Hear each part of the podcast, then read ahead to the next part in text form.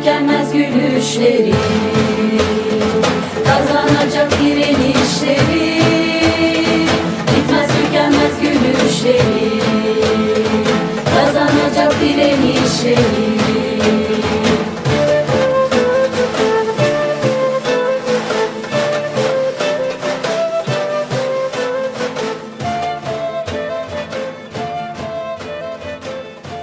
Merhaba Yolculuk Radyo dinleyenleri. Dünyadan ve Türkiye'den önemli direnişleri konu aldığımız Direnişin Tarihi programının yeni bir bölümünde daha birlikteyiz. Bu bölümde siz dinleyicilerimizin karşısına yine bir işçi direnişiyle çıkıyoruz.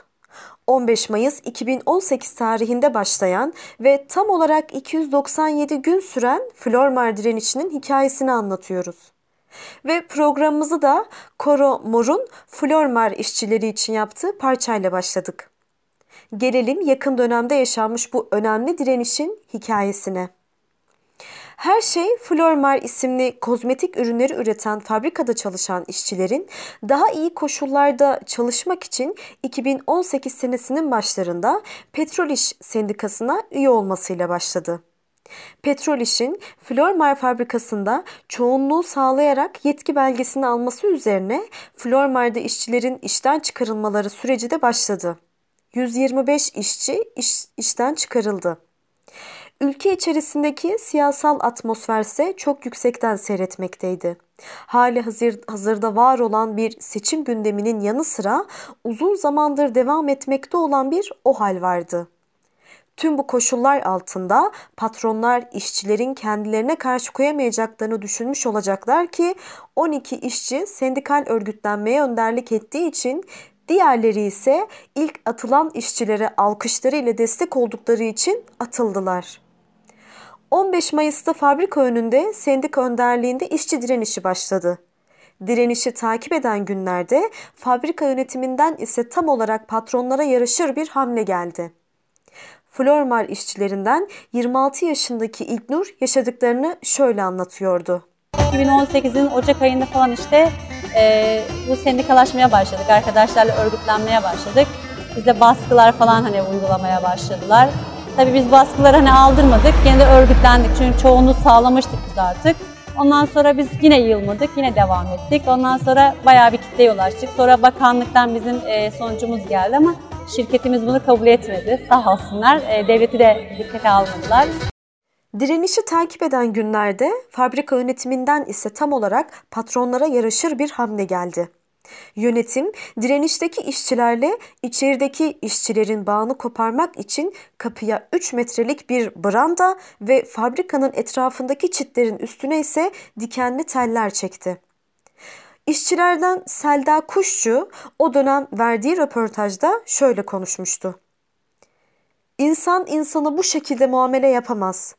Burayı ahır, bizi de hayvan gibi görüyorlar. İçerideki işçiler de ses çıkaramıyor işten atılmamak için. Hiç korkmasınlar. Burada biz yalnız değiliz.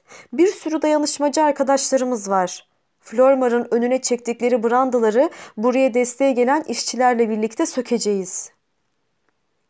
Direnen işçilerin ve Flormar işçilerinin çok büyük bir çoğunluğunun kadın olması ve bunun yanı sıra Flormar'ın kozmetik ürün üretimi yapan bir marka olması sebebiyle direniş sadece sınıfsal olarak değil, kadın mücadelesi için de önemli bir konuma yerleşmişti. Ve belki de bu koşullar içerisinde en doğru sloganla yola çıkmıştı direniş. Flormar değil, direniş güzelleştirir. Flormar direnişi Gebze'de organize sanayi bölgesinin kalbinde gerçekleşmekteydi ve bu nedenle kesin olarak kazanımla sonuçlanmalıydı. Çünkü binlerce örgütsüz iş yerinin ve işçinin çok ağır şartlarda çalıştığı bir yerde direnişin sonuçsuz kalması durumunda hem patronların cesareti artacak hem de işçilere ümitsizlik olacaktı. Ancak Flormar işçilerinin pes etmeye niyeti yoktu.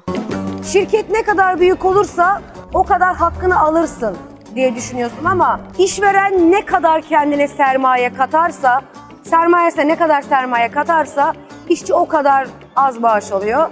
Bunu ben burada anladım. Bize yardım edin. Biz de size yardımcı olacağız maaş konusunda, izin konusunda ama biz sözümüzü tutuyorduk ama onlar sözünü tutmuyorlardı. Biz mesela ilk senelerde bizim tavanlarımız açıktı ve çok soğuk ortamda çalışıyorduk. Hırkalarımız, işte kazaklarımız, buz gibi masalar demir. Kendi aramızda e, imza topladık. Tavan istiyoruz diye. Hani tavanlarımızı yaptırın diye. Ve bize bunun dönüşü çok büyük oldu. Yani siz nasıl böyle bir şey yaparsınız? Nasıl imza toplarsınız? Siz örgütleniyor musunuz? Son raddeye gelmişti. Çünkü insanlar bunalmış, baskı bir yandan zam istiyorsun, zam vermiyor ve her şeyi fazlasını istiyorlar. Ve kendileri yiyorlar ama bize yok. Hani patron şu kadar ciro yaptım diyor ama bize bir şey yok. Bize işte rekor kırıyorduk, hani biz zam istiyorduk, hani rekor kırdık diye zam verin. Onlar bize pasta falan hani kutluyorduk böylece. Kim rekor kırdıysa onlarla birlikte pasta yiyorduk biz. Ee, bir mankenimiz Akasya'da sağ olsun arkadaş manikür yaptırmış kendine. 1100 liraya manikür yaptırmış. Ve biz bunu mavi yakanın içinde duyduğumuz zaman bizim halimizi düşünün yani. 1 milyar 100 milyona sadece tırnaklarını yaptırmış arkadaş ve buraya fatura etmiş, burası ödemiş. Siz adaletsizliği burada görün.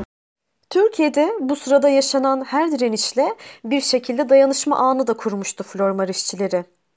Dört bir yandan gelen sendikalar, siyasi partiler, kitle örgütleriyle dayanışma içerisindeydi. Flormar direnişine önemli noktalardan birisi OHAL koşullarında gerçekleşiyor olmasıydı. OHAL koşulları bütünüyle işçi düşmanıdır. Petrol iş üyesi olduğu için işten atılan işçilerin eylemi bu gerçeği teşhir ediyor ama aynı zamanda OHAL koşullarında direnişin mümkün olduğunu da gösteriyordu. Süreç bu şekilde devam ederken Flormar'da sendika düşmanlığı devam ediyordu. 7 Temmuz 2018'de direnişçilere selam verdikleri bahane edilerek 7 işçi daha işten çıkarıldı. İşçilerin çoğunluğunu işten çıkaran vardiya amiri de kendisini de işten çıkarılması üzerine sendikaya üye olarak direnişte yerini aldı. Patronlar işten çıkarılan işçilerin yerine taşeron işçileri getirtti ve düşük hızda üretime devam etti. Hatta söylentiler o boyuttaydı ki iş yeri hekiminin işçiler işten çıkarıldıktan sonra üretim alanına girip bizzat çalıştığı sıkça dillendiriliyordu. 14 Temmuz direnişin 61. gününde Kadıköy'de Flormar işçileri ve kadın örgütlerinin katılımıyla birlikte kitlesel bir basın açıklaması ve forum düzenlendi. Açıklama ve forumda Yves Roche ve Flormar'a markalarına boykotun yaygınlaştırılması kararı alındı. Açıklamada konuşan direnişçilerden Sultan Kılıç şöyle sesleniyordu. Flormar'da çok baskı gördüm. Üretim şefi beni tehdit etti. Bizi tazminatsız işten çıkarttılar. Hiçbir şeyden yararlanamadık. Anayasal hakkımızı kullanamadık. 61 gündür direniyoruz ve biliyorum ki kazanacağız. Eylemin 84. gününde ise direnişe yönelik olan polis tacizi başlamıştı. Aslında var olan siyasal atmosfere göre geç bile olmuş bir durumdu bu.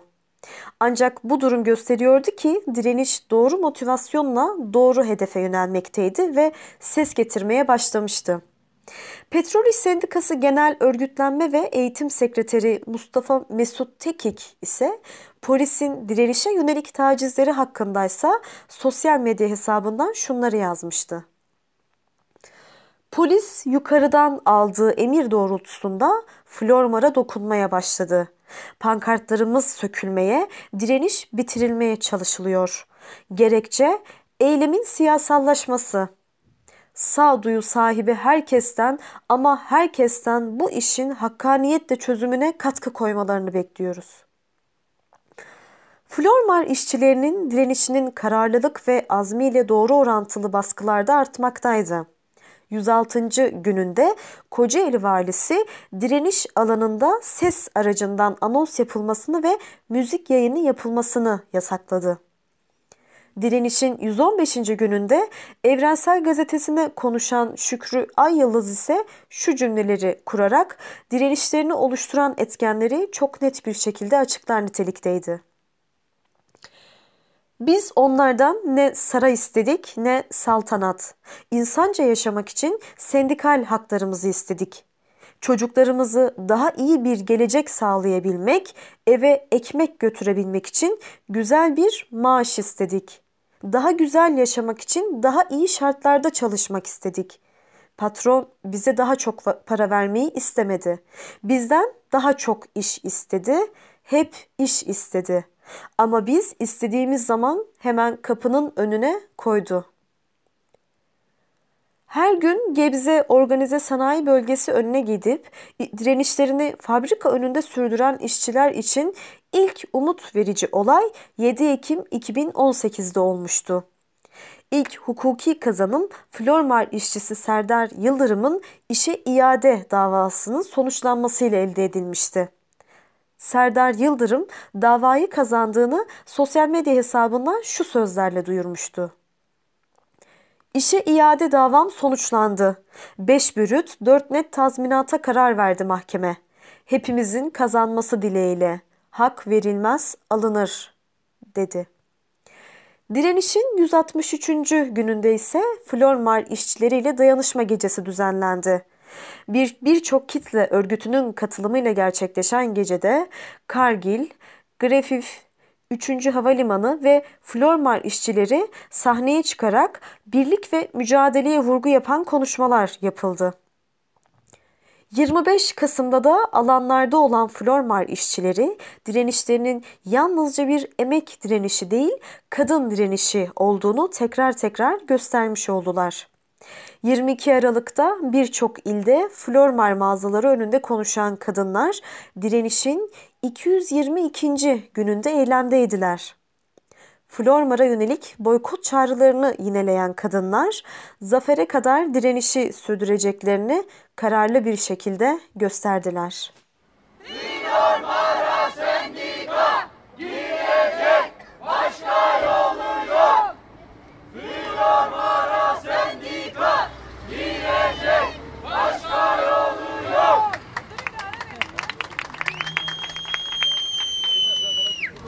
Nasıl bir destek çağrısı yapmak istiyorum biliyor musunuz? Almasınlar flormar ürünlerini kullanmasınlar. Bize destek olsunlar. Sesimize ses olsunlar. Duyulmasını da daha çok istiyoruz. Bize destek olsunlar sadece. Bayanlar özellikle bayanlar haklarını savunsunlar.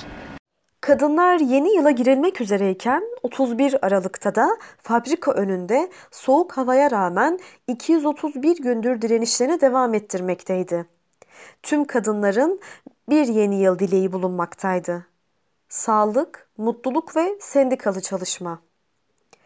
2019 yılına bu şartlar altında giren Flormar işçileri için ne iktidar tarafından ne de şirket tarafından herhangi bir adım atılmadı.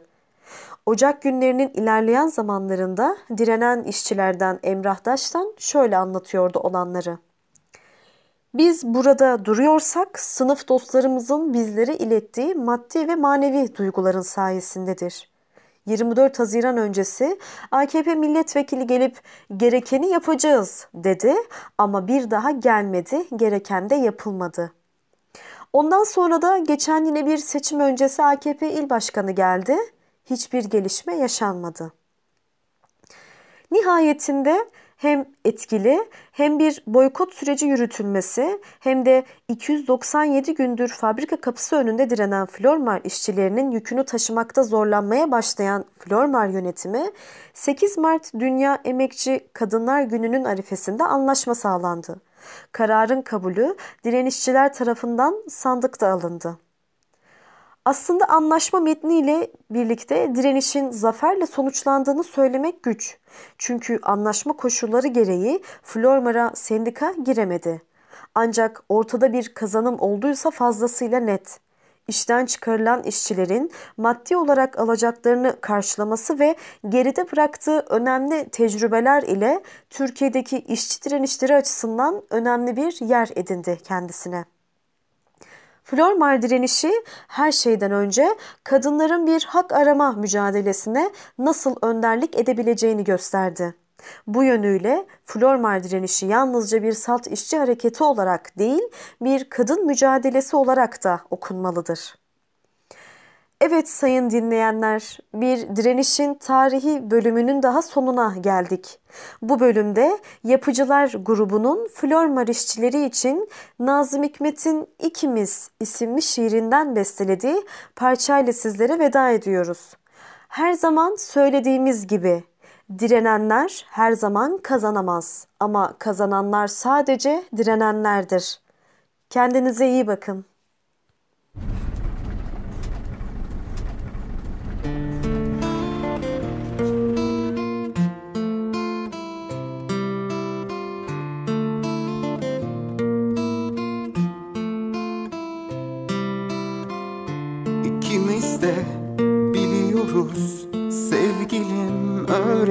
Öğrettiler aç kalmayı üşümeyi yorgunluğu ölesiye. İkimiz de biliyoruz sevgilim öğrettiler. Aç kalmayı üşümeyi ve birbirimizden ayrı düşmeyi. İkimiz de biliyoruz